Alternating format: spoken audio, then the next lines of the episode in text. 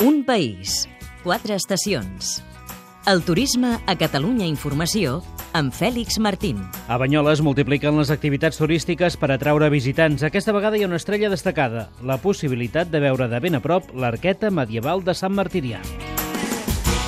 Mentrestant, des de l'empresa Barcelona Guide Bureau han estrenat aquest mes dues noves rutes guiades per conèixer una altra Barcelona, una per la façana marítima i l'altra pel barri d'Horta. Ens ho explicarà el seu director, Joan Callís. Un país, quatre estacions.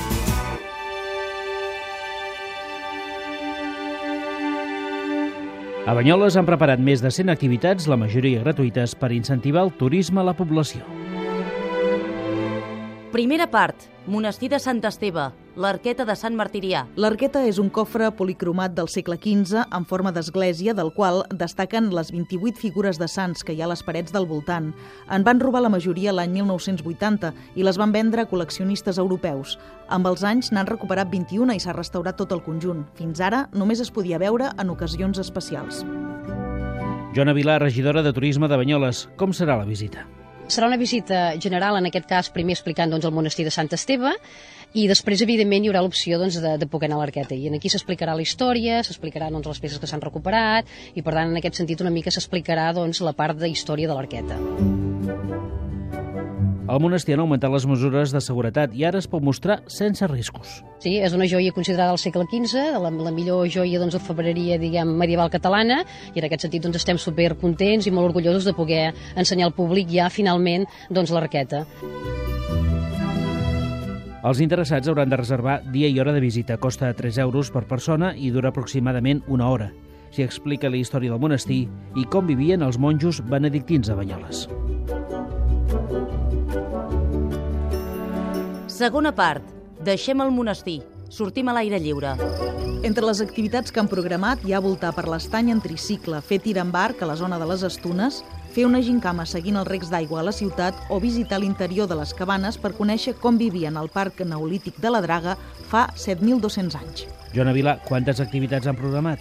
En total doncs, hi han 109 activitats, l'any passat n'hi havia 79, per tant el, el conjunt d'activitats s'ha doncs, incrementat notablement i en aquest sentit doncs, estem molt contents perquè veiem doncs, que les activitats estan funcionant molt bé, hi ha molta demanda i doncs, intentem cada any incorporar doncs, noves activitats, siguin familiars, siguin de descoberta doncs, de, de l'entorn doncs, natural i patrimonial, que és bàsicament el patrimoni doncs, que conforma la nostra ciutat.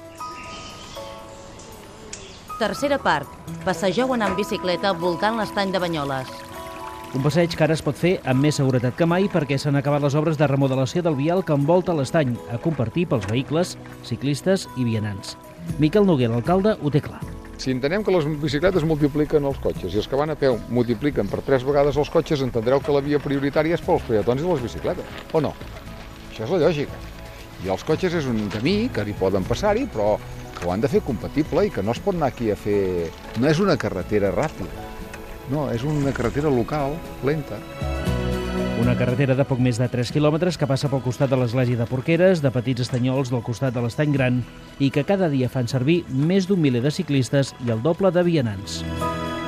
Tota l'oferta es pot consultar al web de l'Ajuntament de Banyoles, les 3 www.banyoles.org.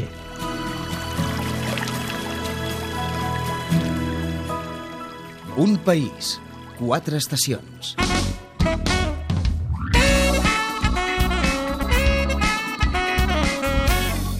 El protagonista. Perquè ai, que tens Barcelona. Doncs soc Joan Callís, director general del Barcelona Guide Bureau. Nosaltres som una agència de viatges especialitzada en ensenyar la ciutat als seus visitants. I ara aquest mes de maig estem començant dos itineraris que en diem els tours dels barris, hi volem presentar, o sigui, volem que la gent experimenti una altra Barcelona. I n'hi ha un anomenat el Tour del Laberint, que funciona dimarts, dijous i dissabtes, i un altre que és el Tour del Smart City o la ciutat intel·ligent, que és dilluns, dimecres i divendres. El, el cas de Laberint visiten el recinte de Sant Pau, el Parc de Laberint, i acaben a Horta, on hi ha entrada al, al mercat i la gent una vegada han fet el tour es poden quedar allà, són tours de, de migdia. I en el cas de les Smart Cities fa la façana ciutat, de la marítima de la ciutat de Nova l'evolució de la ciutat es va fins a la zona fòrum i s'acaba els encants, una vegada vistos tota 22 arroba, tots els edificis que han al voltant de la plaça de les Glòries, i pujant també un, uh, hi ha un refrigeri que es fa a l'Hotel Silken, que hi ha un mirador molt bonic on es pot veure Barcelona des d'aquell de, des costat, diguem. El preu d'aquestes rutes, 30 euros. Es poden consultar aquests dos nous itineraris i tots els que ofereixen des de l'empresa. Al web, les 3 dobles Bs, barcelonagateburo.com. Un país, quatre estacions.